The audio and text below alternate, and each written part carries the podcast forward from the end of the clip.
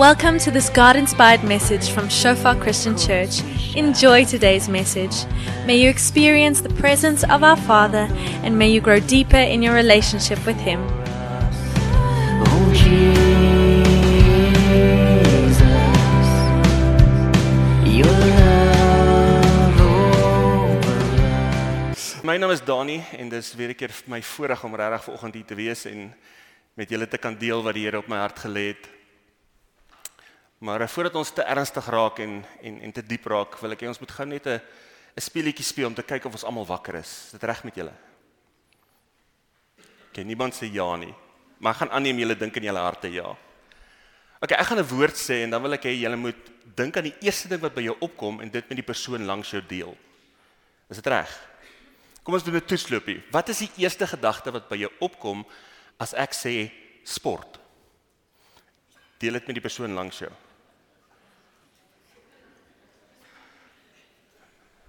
Okay, as jy 'n Blue Bull ondersteuner is, is ek seker jy dink aan die 44-10 oorwinning oor die Sharks. Maar van ons mag dalk hier sit en dink dis tydmors. Van ons mag sit en dink golf. Daar's nie 'n verkeerde antwoord nie. Okay, so so ons ons ken nou die speletjie. Wat is die eerste ding wat by jou opkom as ek sê kosbaar?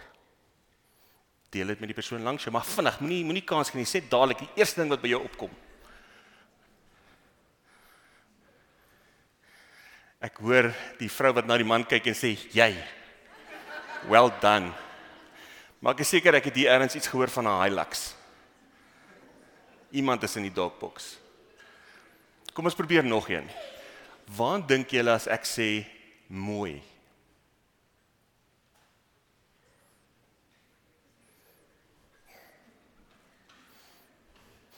Iemand sit hier en kyk na haar verloofring. Dis 'n goeie antwoord. OK, laaste een. Waar dink jy as ek sê God?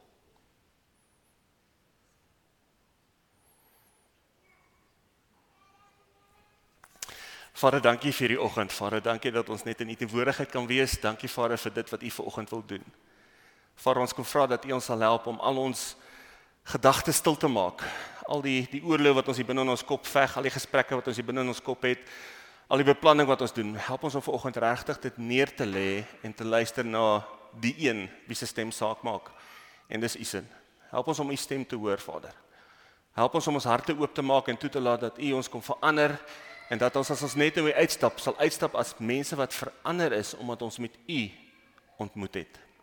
In Jesus naam. So daar was 'n oomie met die naam AW Tozer, AW Tozer. En hy het gesê what comes into your mind when you think about God is the most important thing about you. Hoe jy God sien is die belangrikste ding oor jouself. Nou die die uh, tema van my preek is pa en seun. Want dis hoe ons God moet sien en ons sal nou in die woord inspring, maar hoe jy God sien bepaal jou lewe. Hoe jy God sien bepaal jou identiteit. En ek weet nie of julle bewus is van hierdie massiewe identiteitsoorlog wat tans in ons wêreld aangaan nie. Jy weet, mans wat woedend raak as iemand hulle aanspreek as meneer en nie mevrou nie. Vrouens wat woedend raak as iemand hulle aanspreek as mevrou en nie meneer nie. Mense wat beklei omdat jy hom of haar noem en nie hulle noem nie. Daar's hierdie absolute identiteitskrisis. En dan word die kinders in die skool geleer jy kom van 'n aap af, daar is geen toekoms nie, dit maak nie regtig saak nie. Wie is ons God? Glo ons in die wêreld of glo ons in 'n God wat almagtig is, wat ons liefhet en sy liefde bewys het deur Jesus aan die kruis? Wie is ons God vir ons? Wat was die prentjie wat in jou kop opgekom het toe jy net moes dink aan wie jou God is? Sien party van ons dink dadelik aan die skoolhoof met die rotting. Die een wat ons wil regtigtig. Is dit wie God vir jou is?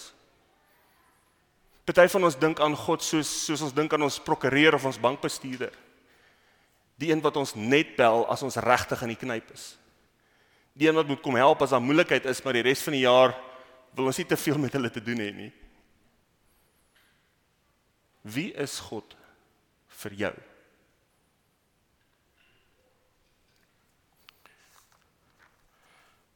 As jy jou Bybel gaan oopmaak, kan jy hom oopmaak in Lukas 11 vanaf vers 2.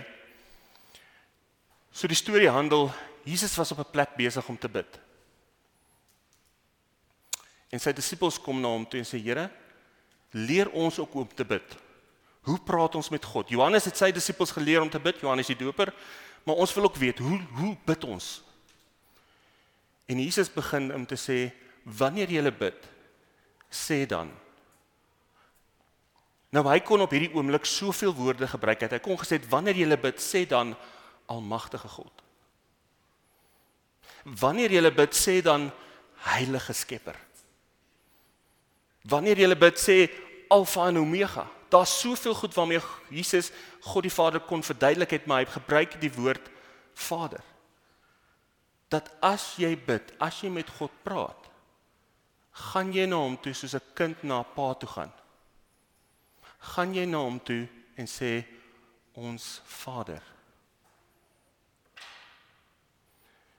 Nou ons kry twee plekke die die onsse Vader, een is in Matteus 6 vers 9 en die ander een is in Lukas 11. Maar Matteus se weergawe sê ons Vader wat in die hemel is. sien God is nie soos ons nie. Hy's daarbo. Hy het nie ons versoekings nie, hy het nie ons gevegte nie. Want ek weet party van ons as ek sê Vader of Pa dan dan kry jy so kriewel hier agter in jou skouers want jou pa was dalk nie 'n goddelike voorbeeld nie. Inteendeel as jy dink aan pa, dink jy aan die ou wat weggehardloop het toe jou ma vir hom gesê het sy swanger. As jy hoor pa, dink jy dalk aan die man wat jou teleurgestel het, die man wat jou selfs dalk mishandel het. En en dis vir ons 'n baie groot struikelblok want ons ervaring sê vir ons pa beteken iets terwyl pa iets anders beteken. So ek wil net gou vir 'n oomblik daar stop. Ek ek weet van ons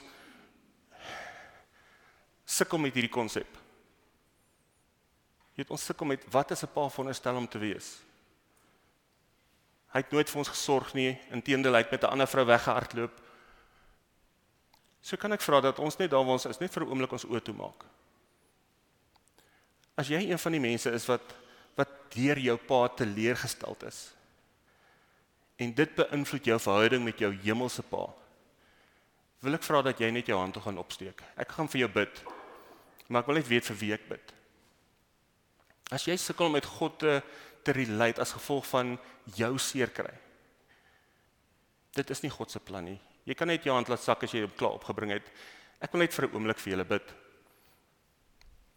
Vader, ek kom bid vir elke persoon wat nou sy hand opgesteek het en selfs die wat nie braaf genoeg was om hulle hande op te steek nie. Vader, daar waarvan ons teleurgesteld is, daar waarvan ons selfs Vader mishandel is deur iemand wat ons moes beskerm het, deur iemand wat vir ons moes voorsien het. Iemand wat die voorbeeld van U vir ons moes uitgedra het wat die teenoorgestelde gedoen het. En daarom sukkel ons vandag Vader om U te leer ken as 'n hemelse Pa, as 'n Pa wat vir ons lief is, as 'n Pa wat vir ons kan goed wees. Vader, ek kom bid dat U ons ervarings Vader sal omdraai dat U ons sal help om U te sien vir wie U regtig is en nie deur die brille van ons ervarings nie, nie deur deur dit wat met ons gebeur het nie. Maar Vader, U is die goeie Vader wat in die hemel is. En U het U liefde vir ons bewys deur U seun te stuur. Johannes 3 vers 16 sê, want U die wêreld so liefgehad dat U U eniggebore seun gestuur het. Vader, daai seer in ons harte, bid ek dat dat U dit vanoggend sal kom gesond maak en dat dit nie ons verhouding met U sal beïnvloed nie. In Jesus naam. Amen. Ek wil jou regtig uitnooi dat as jy daai struikelblok in jou lewe het, dalk het jy nie 'n pa gehad nie. Na die tyd gaan van ons hier voorwees. Kom bid asseblief met ons. Hanteer daai situasie want dit was nie God se plan nie. Dit was nie God se wil nie. Ons bly in 'n sondige wêreld, ons bly in 'n stikkende wêreld waar stikkende goed gebeur. Maar dit sê nie God het gesê dis reg nie. Moenie huis toe gaan nie. Kom vorentoe laat ons vir jou bid. So God is 'n is 'n pa van liefde Johannes 3 vers 16. Hy is nie net iemand wat praat nie, hy's ook iemand wat bewys. Hy sy liefde bewys deur Jesus aan die kruis. Hy het sy liefde bewys deur vir ons 'n plek te maak. Ek wil graag vir ons Galasiërs 4 lees vanaf vers 4. Maar toe die tyd wat God daarvoor bepaal het aangebreek het, het hy sy seun gestuur. Hy is uit 'n vrou gebore en van geboorte af was hy aan die wet onderworpe. Om ons wat aan die wet onderworpe was, los te koop sodat ons as kinders van God aangeneem kan word. En omdat ons sy kinders is, het God die gees van sy seun in ons harte gestuur. En in ons roep hy uit Abba. Dit beteken Vader. 'n Beter vertaling is Pappa. Abba, Pappa, liefdevolle Vader. Jy is dus nie meer 'n slaaf nie. Jy's nou 'n kind van God. En omdat jy 'n kind is, het God jou ook 'n erfgenaam gemaak.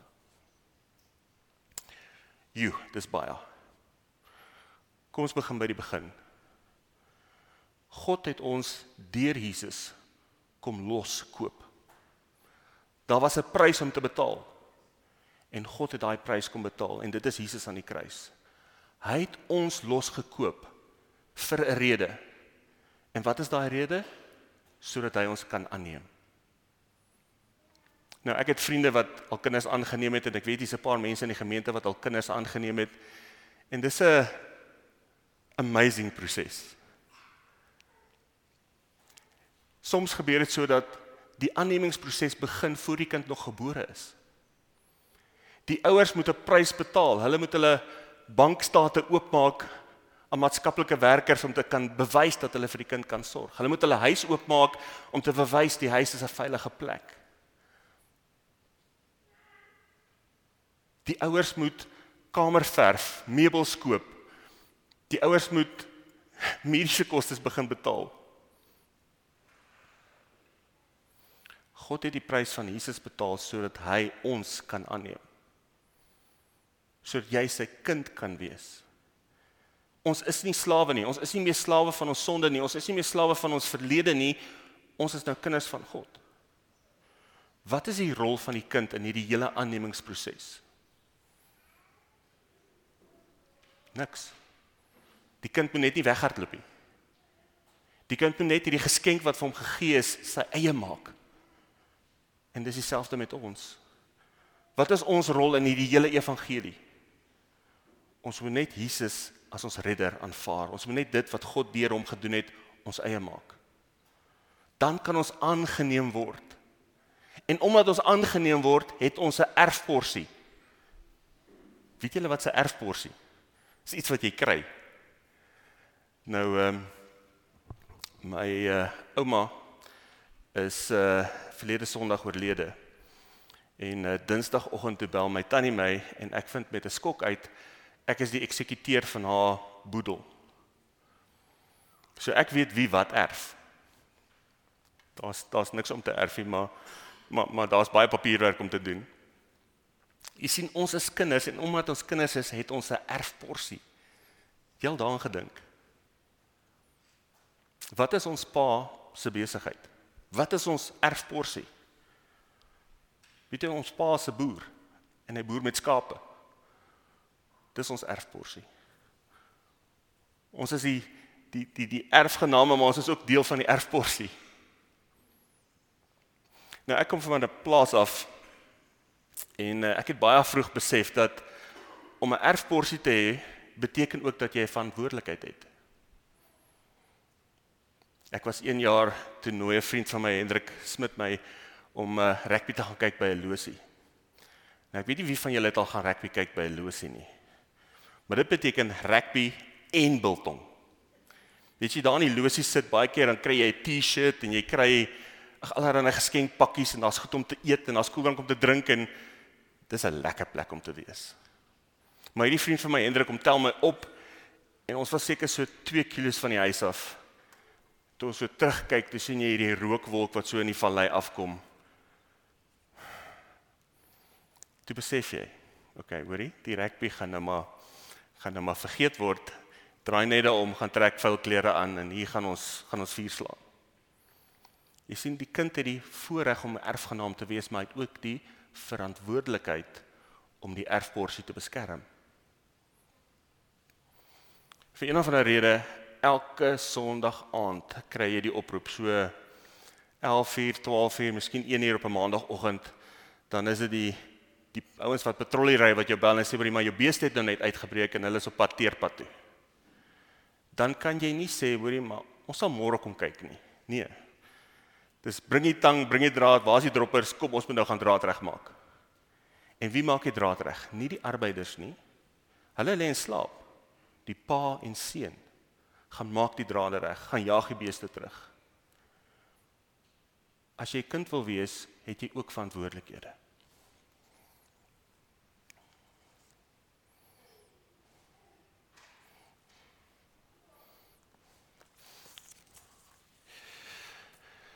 Lukas 2 vertel hoe Jesus toe hy 12 jaar oud is vir die eerste keer saam met sy ouers Jerusalem toe gaan. Nou dit was 'n groot ding. Paasfees word gevier in Jerusalem. Dis dae van feeste.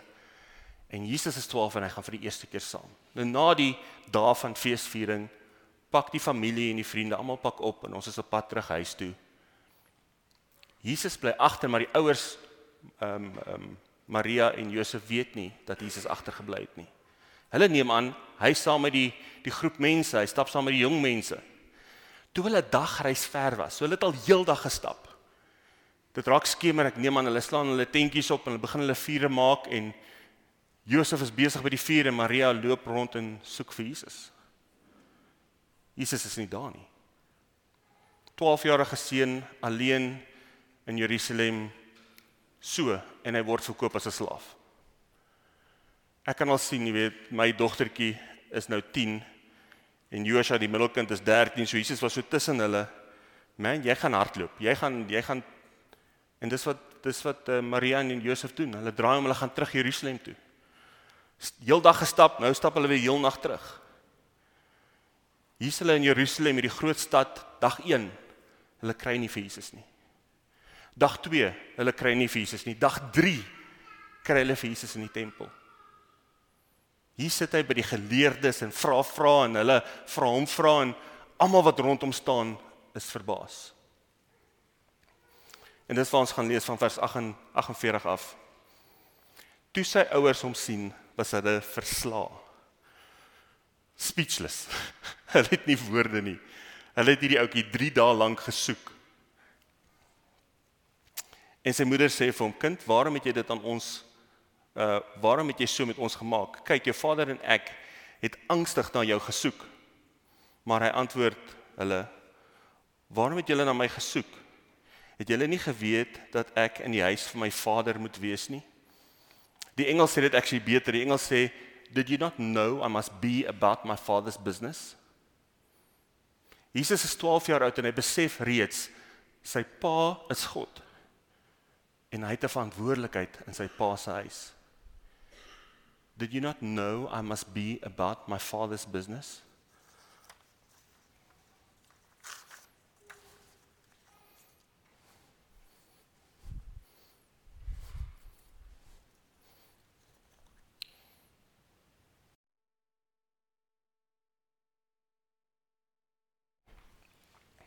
Ek is nie gewoond om so baie te praat nie, vergewe my.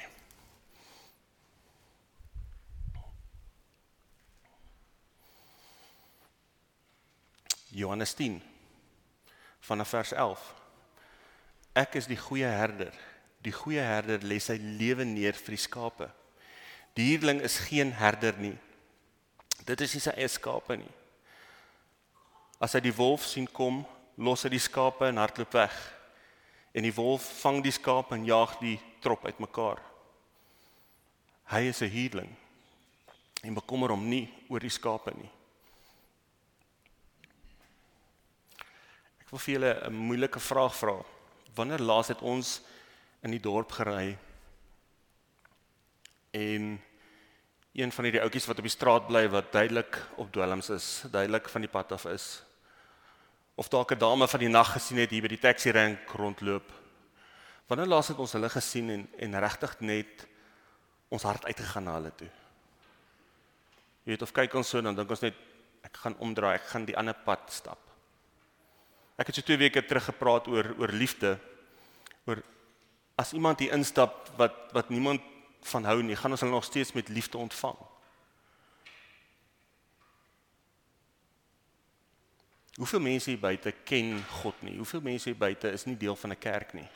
Hoeveel mense hier buite is besig om hulle lewens te mors met dwelms of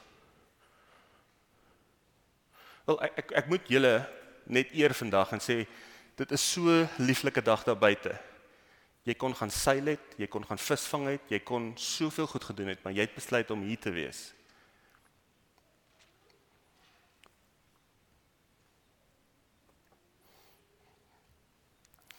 As ons in die Bybel gaan lees dan dan lees ons baie keer hoe Jesus deur die Fariseërs sleg gesê word. Gekritiseer word. Selfs toe hy gevange geneem is, hy het homself nooit verdedig nie. Inteendeel, hy het nog vir sy disippels gesê, "Bære julle swaarde, ek gaan saam met hulle gaan." Hy's geslaan, hy's gekruisig, hy kon in enige oomblik gesê het, "Dis genoeg." Maar weet jy ons lees van 'n geval waar Jesus kwaad geword het. So kwaad geword het dat hy gaan sit het. Hy het 'n sweep gevleg. En hy het 'n klomp mense gaan pak slaag gee. En dit was nie omdat hulle hom beledig het nie, dit was omdat hulle sy pa se huis aangevat het. Jy kan gaan lees in Johannes 2 vanaf vers 13. Dit was in die begin van Jesus se bediening, net nadat hy die water in wyn verander het, gaan hy verby die tempel en hy sien wat in die tempel aangaan. Hoe mense handel dryf, hoe mense koop en verkoop en geld ruil en en hy gaan vlegge sweep en hy gaan maak die tempel skoon. Want hierdie mense was besig om sy pa se huis aan te vat. Hierdie mense was besig om sy pa se huis vuil te maak.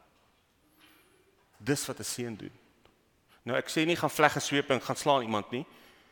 Maar ek wil vir wil vir ons vra van waar is ons harte? Is God se huis vir ons regtig prioriteit? Is God se koninkryk vir ons regtig prioriteit? Is God se mense regtig vir ons prioriteit? Kyk ons na mekaar, pas ons mekaar op. As ons sien hier kom die wolf om iemand te te tackle, gaan ondersteun ons hulle.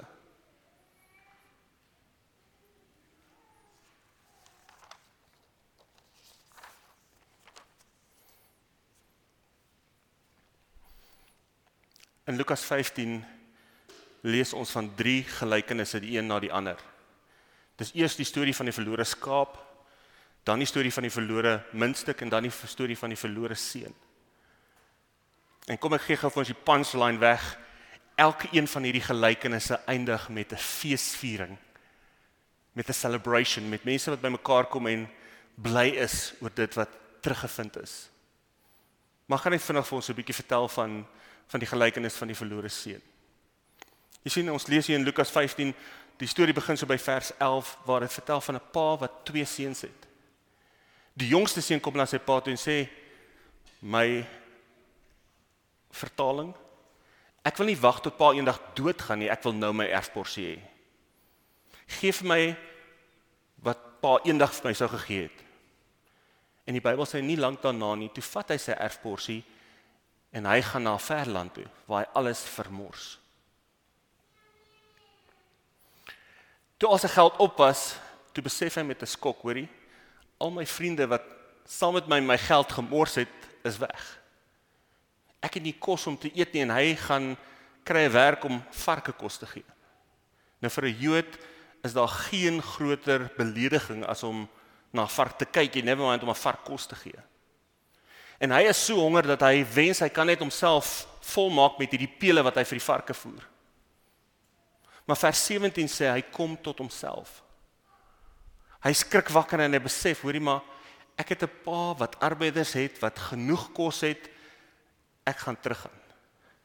En hy berei hierdie gesprek in sy kop vir hy sê as hy by by die huis kom gaan ek sê pa, ek het teen God, teen U gesondig.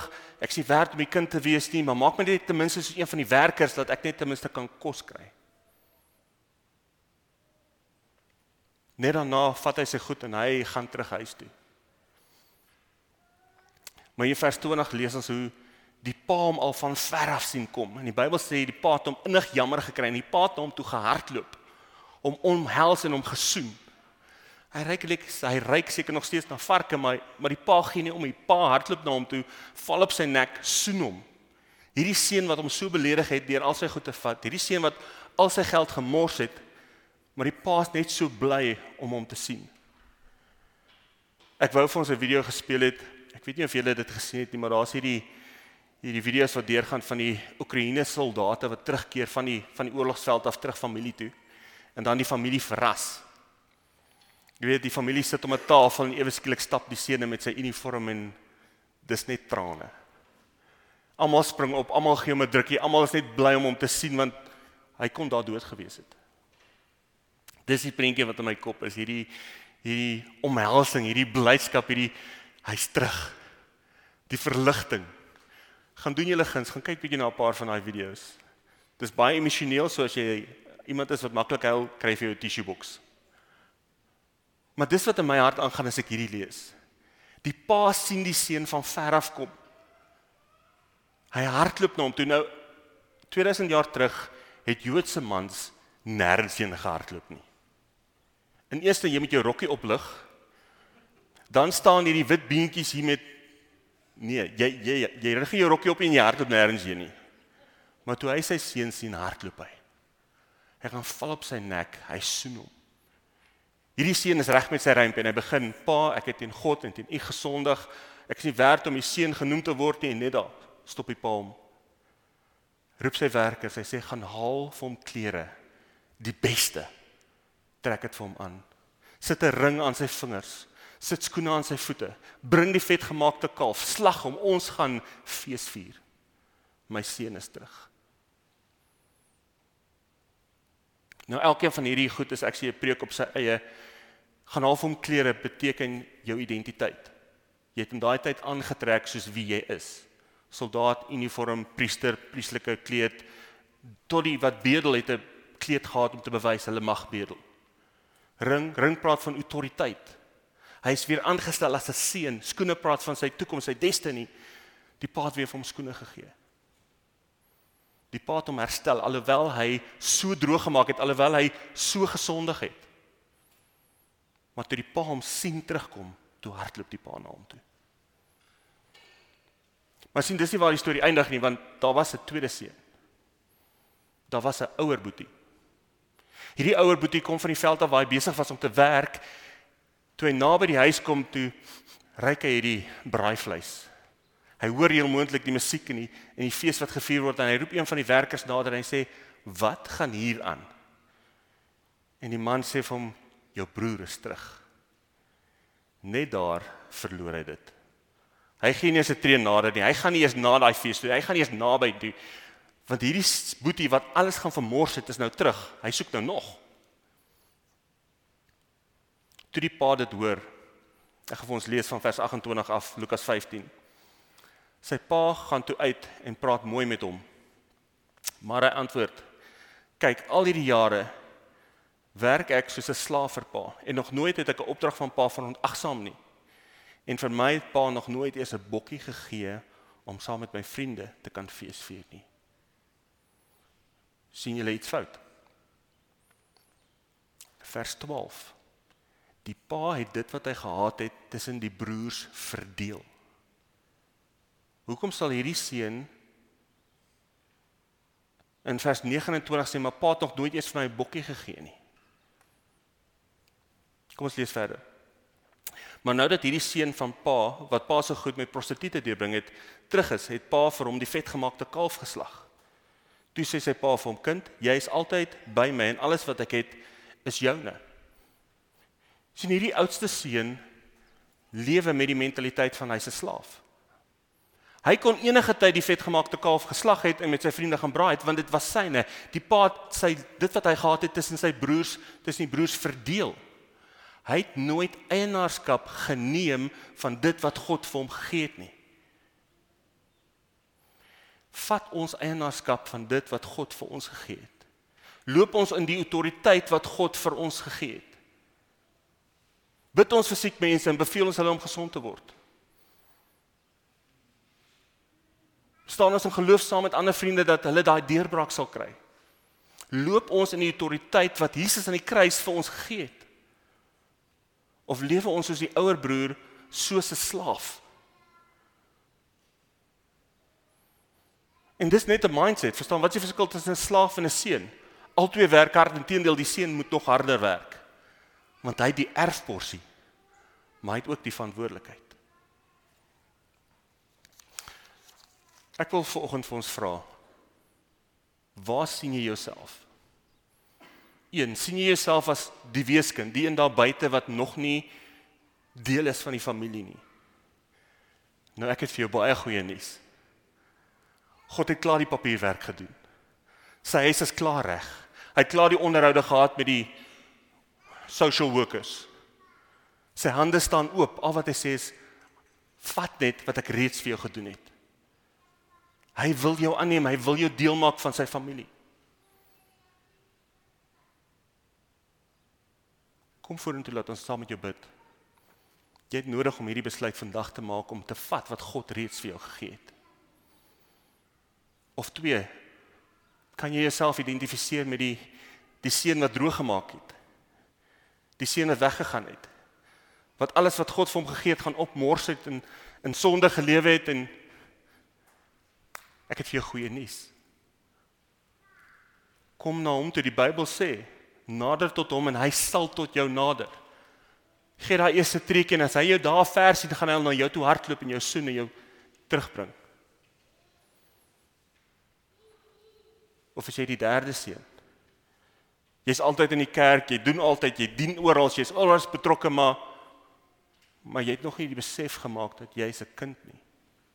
Jy sien jouself nog as 'n slaaf, jy sien jouself nog as iemand daar wat moet werk om God se liefde te verdien. Wat moet jou kind doen om jou liefde te verdien? Niks nie. Jy het hom lief want hy's jou kind. God het jou lief want jy's sy kind. Maar jy moet dit jou eie maak.